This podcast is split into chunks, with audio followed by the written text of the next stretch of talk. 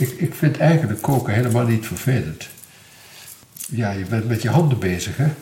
Piepersjassen noemen ze dat in, in, in Nederland. Nee? Ja, ja, ja, ja, ja. ja. Als Aardappelschillen. Ja, aardappels zijn piepers. piepers. Schillen zijn jas, is jassen.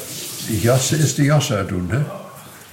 Maar de moeilijkheid is dat tegenwoordig kun je die dingen ook allemaal al geschild kopen.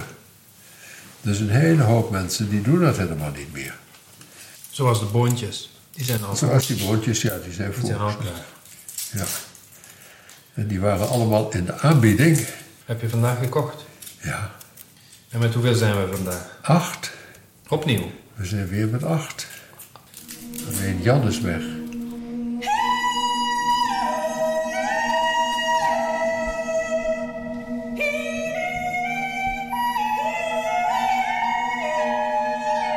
De Krijtberg. Jezuïeten in Amsterdam.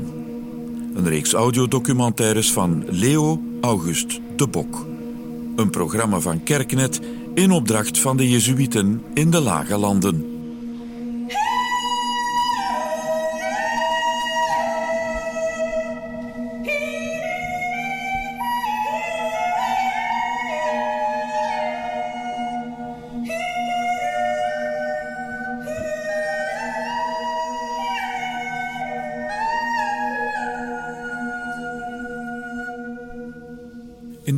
Tweede aflevering van De Krijtberg koken we met Gregory Brenninkmeijer. Pater Gregory is op het moment van onze ontmoeting, eind 2022, 86 jaar oud. Hij is inmiddels, omwille van zijn leeftijd, verhuisd van de Krijtberg in Amsterdam naar de woongemeenschap Aqua Viva van de Jezuïeten in Nijmegen. Gregory Brenninkmeijer is een telg van een van de rijkste families van Nederland, eigenaar van de kledingketen C&A. Maar welstand bekoorde Gregory niet. Hij gaf zijn baan bij CNA op en trad, net als een broer van hem, in bij de Jezuïeten.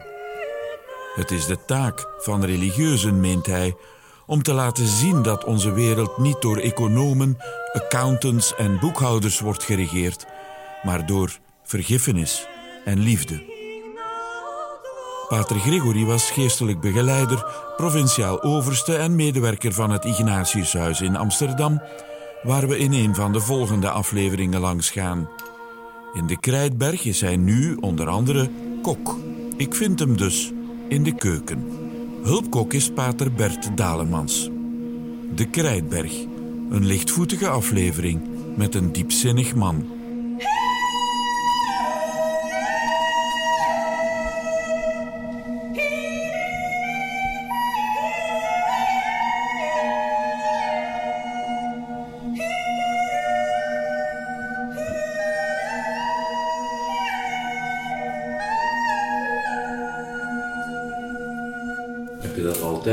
Koken? Ik? Ja. Ik ben een ontzettend instituutsmens. Dus ik heb, eh, ik heb altijd in een huis gewoond waar Oh, een, een kok was, waar een, een keuken functioneerde. Ik heb, ja, ik ben hier in Amsterdam, 15 jaar geleden, voor het eerst gaan koken. We hadden hier ook al nog heel lang een kok.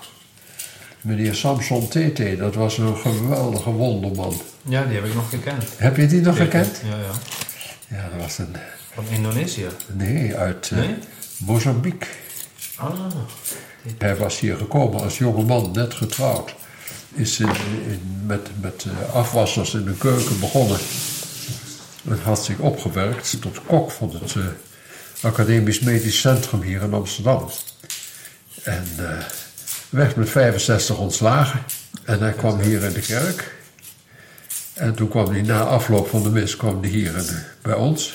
Of gepensioneerd, hij werd niet ontslagen, hij werd gepensioneerd. Hè? En toen kwam hij hier en zei: Niet goed voor huwelijk, ik te veel thuis. Ik koken voor paters. Niet goed.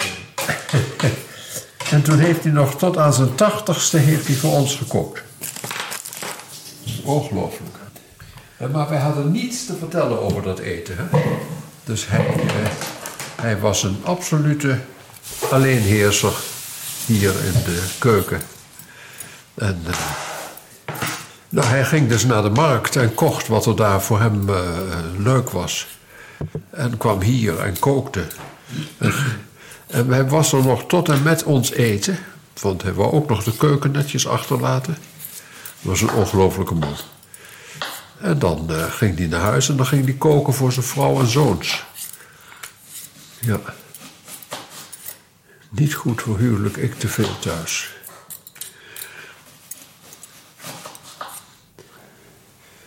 Waar is het mesje gebleven? Waar is het mesje gebleven?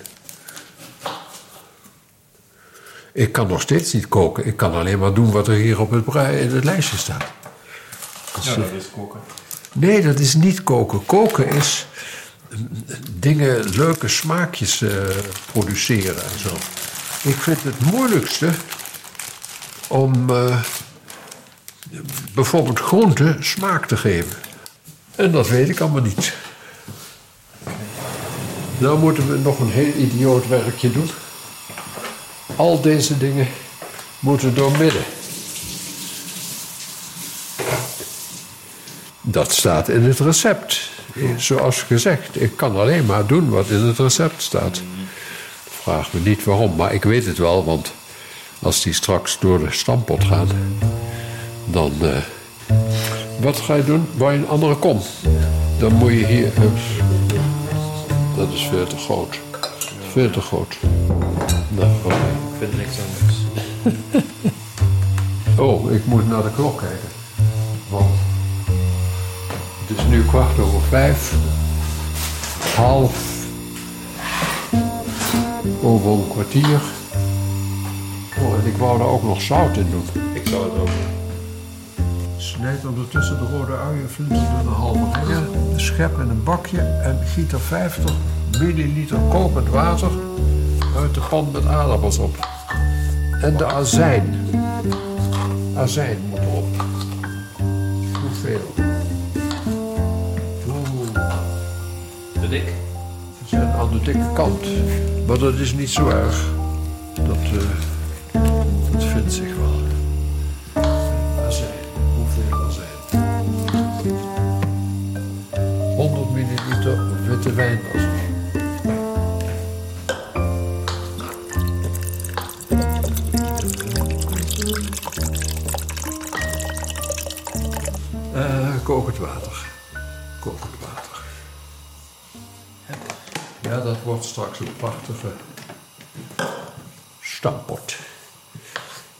Giet de aardappelen en de snijbonen af en schep terug in de planten. Nou, dan zijn we eventjes klaar. Goed. Dan kunnen we tafel dekken. Kunnen we de tafel dekken. Ja, we zijn ook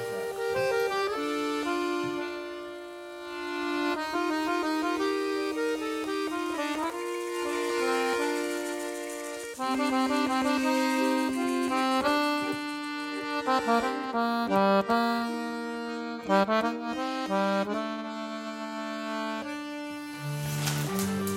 wie ik ben. Ik ben Gregory Brenningmeijer. Ehm, ik ben eh, 86. Ik heb van alles gedaan, met name in de, eh, het, het jeugdwerk, jongeren. Daarna in het bestuur en daarna in de volwassen catechese. Of, laten we zeggen, de volwassen vorming. Eh, wat zijn mijn leukste dingen? De leukste dingen zijn de bergtochten. Ik heb een, een, een grote eh, liefde voor de bergen. En al als kind opgedaan. En op het internaat wat ik gerund heb in, eh, in Zeist, daar heb ik dus voor de jongens bergtochten georganiseerd. In de Alpen, extreme wandelen was dat. Niet, niet alle mogelijke moeilijke toeren, maar extreem wandelen. Ik heb alle 4000ers van de Alpen die je wandelend kunt doen gedaan. En er was er één bij, de Gran Paradiso in het noorden Italië, waar ik met eh, zowel medebroeders als familieleden als met de jongens omhoog gegaan ben. 4064. Ehm, ja, dat is een belevenis. Dat is elke keer opnieuw een belevenis. En daar ben ik eh, mee doorgegaan bij de volwassenvorming. Dus ik heb meditaties, retraiten te voet georganiseerd in de Alpen. En dan gingen we elke dag een, berg beklimmen. Niet al te hoog, maar toch voor de meeste mensen flink uh, sjouwen. Ze kwamen zichzelf al tegen. Met uh, daar uh, geestelijke oefeningen omheen. Buitengewoon. Mensen hebben geweldige herinneringen eraan. En ik zelf ook. Ik heb daar zeer veel plezier aan gehad. En toen ik de bergen voor mezelf te hoog vond worden, toen hebben we in de Ardennen ook nog een, een aantal jaren hetzelfde principe tochten georganiseerd. En die gaan nu nog door, alleen ik kan het niet meer. Ik ben op het ogenblik op het punt dat ik eh, ook Amsterdam ga verlaten en naar onze Aquaviva, oftewel onze seniorenwoning in Nijmegen ga verhuizen. Eind januari van het komende jaar. En uh, nou ja, dat is een overgang, hè? dat is een, een, behoorlijk zware uh, stap. Je laat heel veel achter. Ik begeleid nogal wat mensen hier. En dan krijg je natuurlijk meteen de reactie van dat, hoe erg ze het vinden en dergelijke. Nou ja, niemand is onvervangbaar, maar uh, je bouwt wel wat op. En uh, tegenwoordig kun je heel veel online doen, maar het ontneemt toch niet het persoonlijke contact weg. Er zullen er wel een paar naar Nijmegen komen, maar anderen gaan een andere begeleider zoeken. En dat is heel goed. Dat is goed zo. Nee, het is niet zo van. Uh, ik ga met. Uh, of ik ben veroordeeld tot. Nee, totaal niet. Nee, ik denk dat dat een, een, een verstandig besluit is en dat het goed is om daarheen te gaan.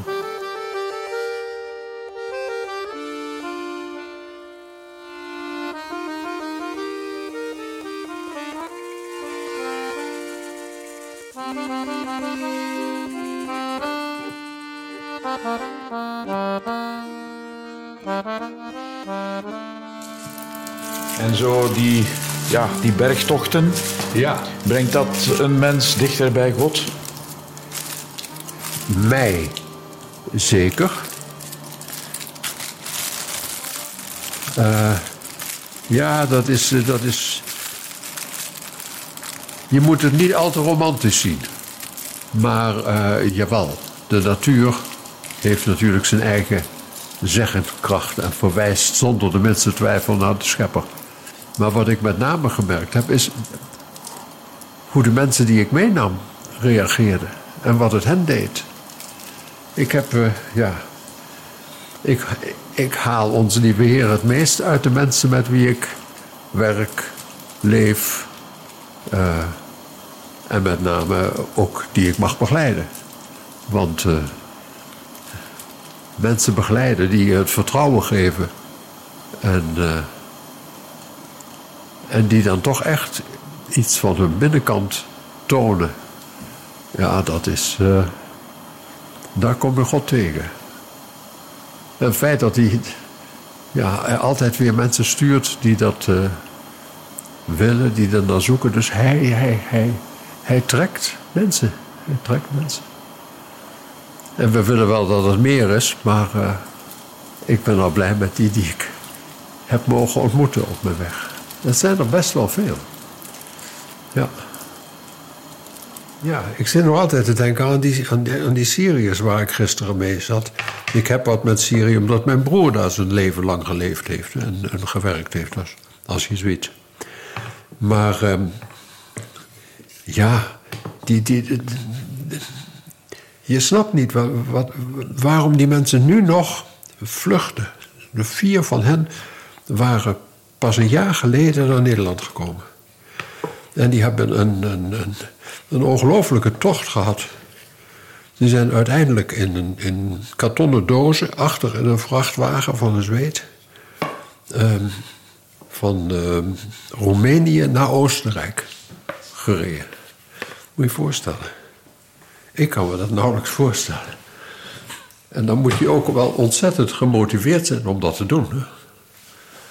En, en, en daar zijn, zijn dus blijkbaar totaal geen mogelijkheden voor hen. om verder een leven op te bouwen. Vreselijk. Zij zijn prima, het zijn opgeleide, goed opgeleide mensen. Hè? Nee, daar ontbreekt het niet aan. De Krijtberg. Jezuïeten in Amsterdam.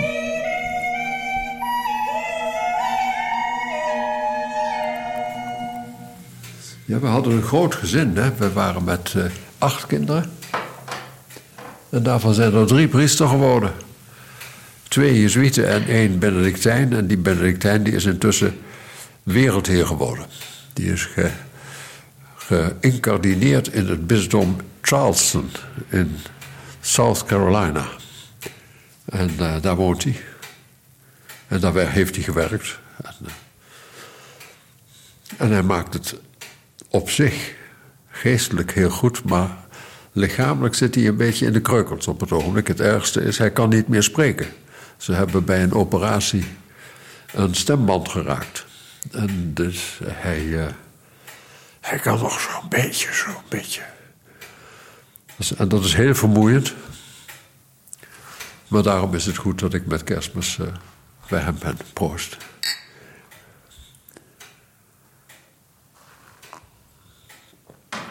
Ja. En nu zijn alle ouderen van ons gezin zijn intussen overleden. En de jongste broer ook. Dus we zijn nog met z'n drieën. Ja. Maar inderdaad, dus met, met drie priesters bij alle mogelijke gelegenheden. Feesten, bij vreugde en bij verdriet. Met z'n drieën achter het altaar staat, dat is wel wat. Zo'n neefjes en nichtjes trouwen met drie ooms achter het altaar. dat, uh, ja, dat is het naeilen van het rijke Roomse leven is dat. Ja. Maar we zijn dus heel verschillend. Michael, dus men die in Syrië gewerkt heeft, ja, dat was echt een missionaris. Die is helemaal Syriër geworden, helemaal uh, Arabier. In zijn denken, in zijn doen, in zijn handelen. Er wordt weg daar op handen gedragen. Ja, was echt. En ik heb geen enkele behoefte of, of roeping richting de missie gevoeld. Nooit of te nimmer. Nee. Nee. En ik denk dat inderdaad mijn, jongste broer, mijn jongere broer, een, toch wel iets uh, van dat Benedictijnse had. Die, die, die abdij, dat was moeilijk voor hem. Dat is ook een kunst in een abdijleven. Mijn vader was heel duidelijk uh, heel erg katholiek. Mijn moeder was Brabants katholiek. Dus die, uh, de Brabanders uh, die zijn katholiek tot in hun tenen, maar praten daar niet over. En mijn vader die, die, die, was eigenlijk een leke theoloog. Die, die las alles wat los en vast zat op dat gebied. En, vond het ook heel fijn om daarover uh, meningen te hebben. Hij vond de veranderingen in de kerk niet allemaal naar zijn smaak. Hè? Maar goed, nou, dat was, hij was een kind van zijn tijd, wat dat betreft. Nee, onze moeder die had een, een, uh, een heel rustig soort gelovig zijn. Maar die, die, die, die legde niets op. Dat, ze deed gewoon, ze deed haar, haar eigen ding. Terwijl vader structureerde. Dus wij, waren echt een, gezin van elke avond roosnoetje bidden. Op de knieën bij het heilig hartbeeld. En, uh, en vader bad voor. En vader ging elke ochtend naar de mis. Voordat hij naar de zaak ging. Dat, dat, dat was gewoon zijn leven. En hij vond het heerlijk als er iemand van ons meeging. Soms uh, probeerde hij ons te zachteren voor de hoogmis op zondag. Maar dat was met niet veel succes.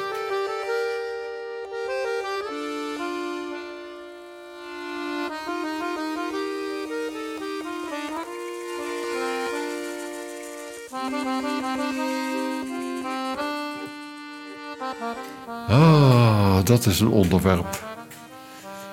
Hoe staat de kerk ervoor? Laten we zo zeggen. de kerk als zodanig moet zich nog steeds ontdoen van de 19e eeuw. Het Rijke Roomse leven is echt voorbij. En dat is een zegen dat dat voorbij is. En we moeten ons ontdoen van het klerikalisme. We moeten ons ontdoen van over mensen heersen. Dus het geestelijk leven van mensen willen bepalen. En daarom ben ik ongelooflijk blij met het synodaal proces van Paus Franciscus. Die de mensen de kerk oproept om te luisteren. En dat is een oproep die op de eerste plaats natuurlijk naar bisschoppen en priesters uitgaat. Luisteren. Want dat, dat, dat kunnen we helemaal niet. Dat hebben we niet geleerd.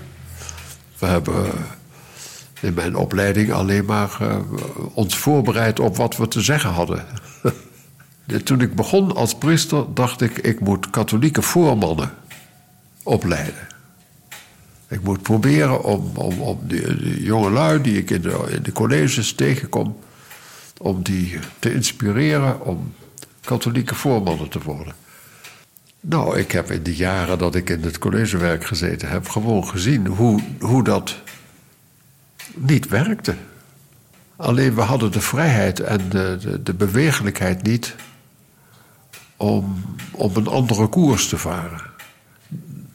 Wat dat betreft waren we dus niet goed opgeleid. Ik, ik, ik heb geen hoge pet op van mijn opleiding. Maar daar konden de mensen die ons opleiden niks aan doen. Want het, het, het, was er gewoon nog niet. Het was er gewoon nog niet. We hadden eigenlijk een hele, een hele uh, geëngageerde en, en levendige en, en, en ook ja, menselijke novicemeester. Ik denk dat dat, dat dat op zich een niet zo slecht begin was. Maar hij heeft nooit aan mensen gevraagd: hoe komt het nou dat je jezuïet geworden bent? Vanaf het ogenblik dat wij binnenkwamen, werd ons gezegd hoe wij jezuïet moesten zijn. Maar dat we een hele weg hadden afgelegd om überhaupt dat te willen en daar naartoe te gaan, dat heeft nooit iemand geïnteresseerd in zekere zin. En dat is gek, dat is heel gek.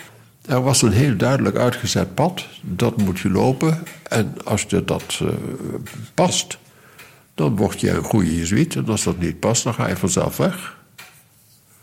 Nou, het jasje paste mij. Maar misschien had ik toch wel liever een ander jasje gehad. Een beetje ander jasje. Dus een, nou, dat ik, dat, dat, dat ik met een andere doelstelling was begonnen als, uh, als priester. Dat je was begonnen als. als uh, dat staat wel overal, dat je de dienaar van de mensen bent. Maar daar zijn we niet voor opgeleid. We zijn opgeleid om de leiders van de mensen te zijn. Dat duurt lang voordat je dat hebt uh, afgelegd en, en een nieuwe route gevonden hebt.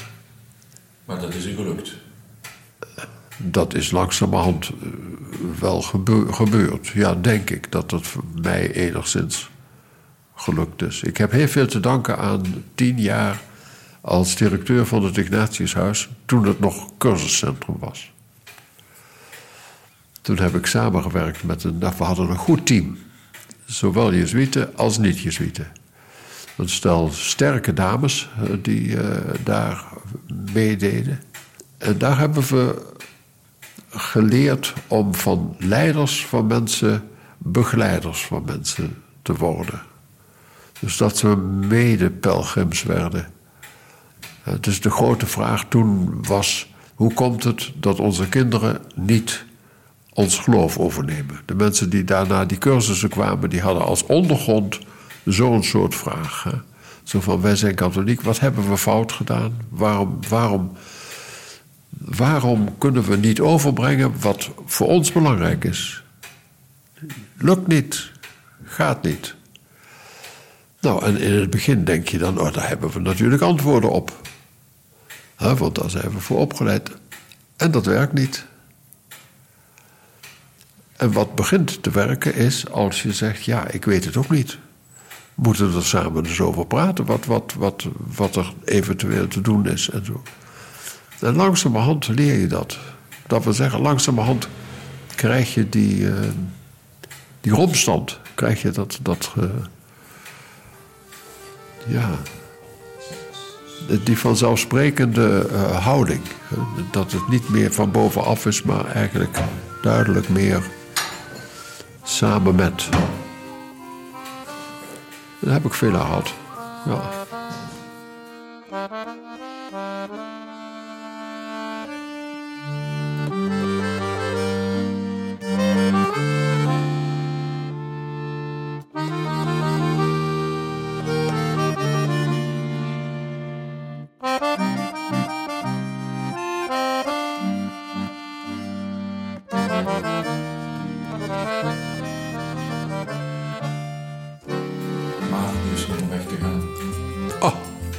Enorm. Maar dat zal altijd zo zijn. En ik denk ook dat dat altijd zo geweest is. Dat in de tijd dat er. Dus, ik zeg altijd: mijn ouders hebben nooit een vraag gesteld aan hun geloof. Dat zijn mijn ouders, dus de vorige generatie. Ik heb nooit gemerkt dat die serieus vragen stelden. Nee, dat was duidelijk. Nou, er is natuurlijk onvoorstelbaar wat gebeurt. Dus ik, ik denk dat dat altijd zo zal zijn. Het gaat met golven. En het gaat eh, tijdelijk. Komt er zo'n luwte. waarin iedereen gewoon maar doorgaat. Of dat nog zo zal zijn. Er is zoveel veranderd in die, die, die, die 80 jaar van mijn leven. Is ongelooflijk veel veranderd. Dat is, eh, daar kijk ik nu met, eh, met verbazing naar. Echt met verbazing. Niet alleen van wat er in, eh, technisch en zo veranderd is, maar ook menselijk, wat er menselijk veranderd is. Ja, dat is niet misselijk. Hoi, kom erbij, kom erbij, kom erbij. Wij scheiden gewoon uit. Nu wordt, ja, nu, natuurlijk, nu wordt het gezellig. Sorry, Leo. Nee, geen probleem. En, en toch is er eh, ja, die, die paus van vandaag, paus Franciscus, Ja, die hoop geeft. zeker. En dat hoor je van mensen terug. Maar tegelijkertijd moet je je ogen ook niet sluiten voor het feit dat er eh, zelden een paus geweest is die zoveel tegenstand heeft opgeroepen. Alleen dat ontmoeten wij minder. Wij bewegen ons in, in, in, in kringen van mensen die inderdaad hoop putten uit, eh, uit zijn paus zijn, de wijze waarop hij de kerk leiding geeft. Maar er zijn anderen die zeggen, ja, hij is degene die de kerk nu werkelijk naar de donder helpt. Dus je, je moet het altijd bedenken. De, de polarisatie in de wereld is gigantisch. Hoe, hoe, hoe dat probleem opgelost moet worden, weet ik ook niet. Maar dat is denk ik de opgave voor de volgende generatie. Het moet, het moet. Dus wat er in Amerika gaande is, en niet alleen, en ook, ook, ook Rusland en de rest van de wereld en al dat soort. Die ontstellende polarisatie. Ja. Dus er zijn, we, we noemen elkaar allemaal katholiek, maar eh, eh, we, we kunnen zeer verschillen in eh, onze houding, onze kerkvisie, onze. We zullen best wel eens zijn dat we de tien geboden nog steeds allemaal belangrijk vinden. En, eh, maar hoe je vandaag de dag kerk moet zijn, daar zijn eh, de meningen knap verscheeld over. Ja. Goed, nee, kom binnen, we, we scheiden uit. Ja. Genoeg gekletst. ja. U luisterde naar De Krijtberg, een reeks audiodocumentaires over de Jezuïeten in Amsterdam. De Krijtberg is een programma van de Jezuïeten van de Lage Landen met de medewerking van Kerknet. In de volgende aflevering ga ik langs bij internetpastor Nicolas Sintobin. Graag tot dan.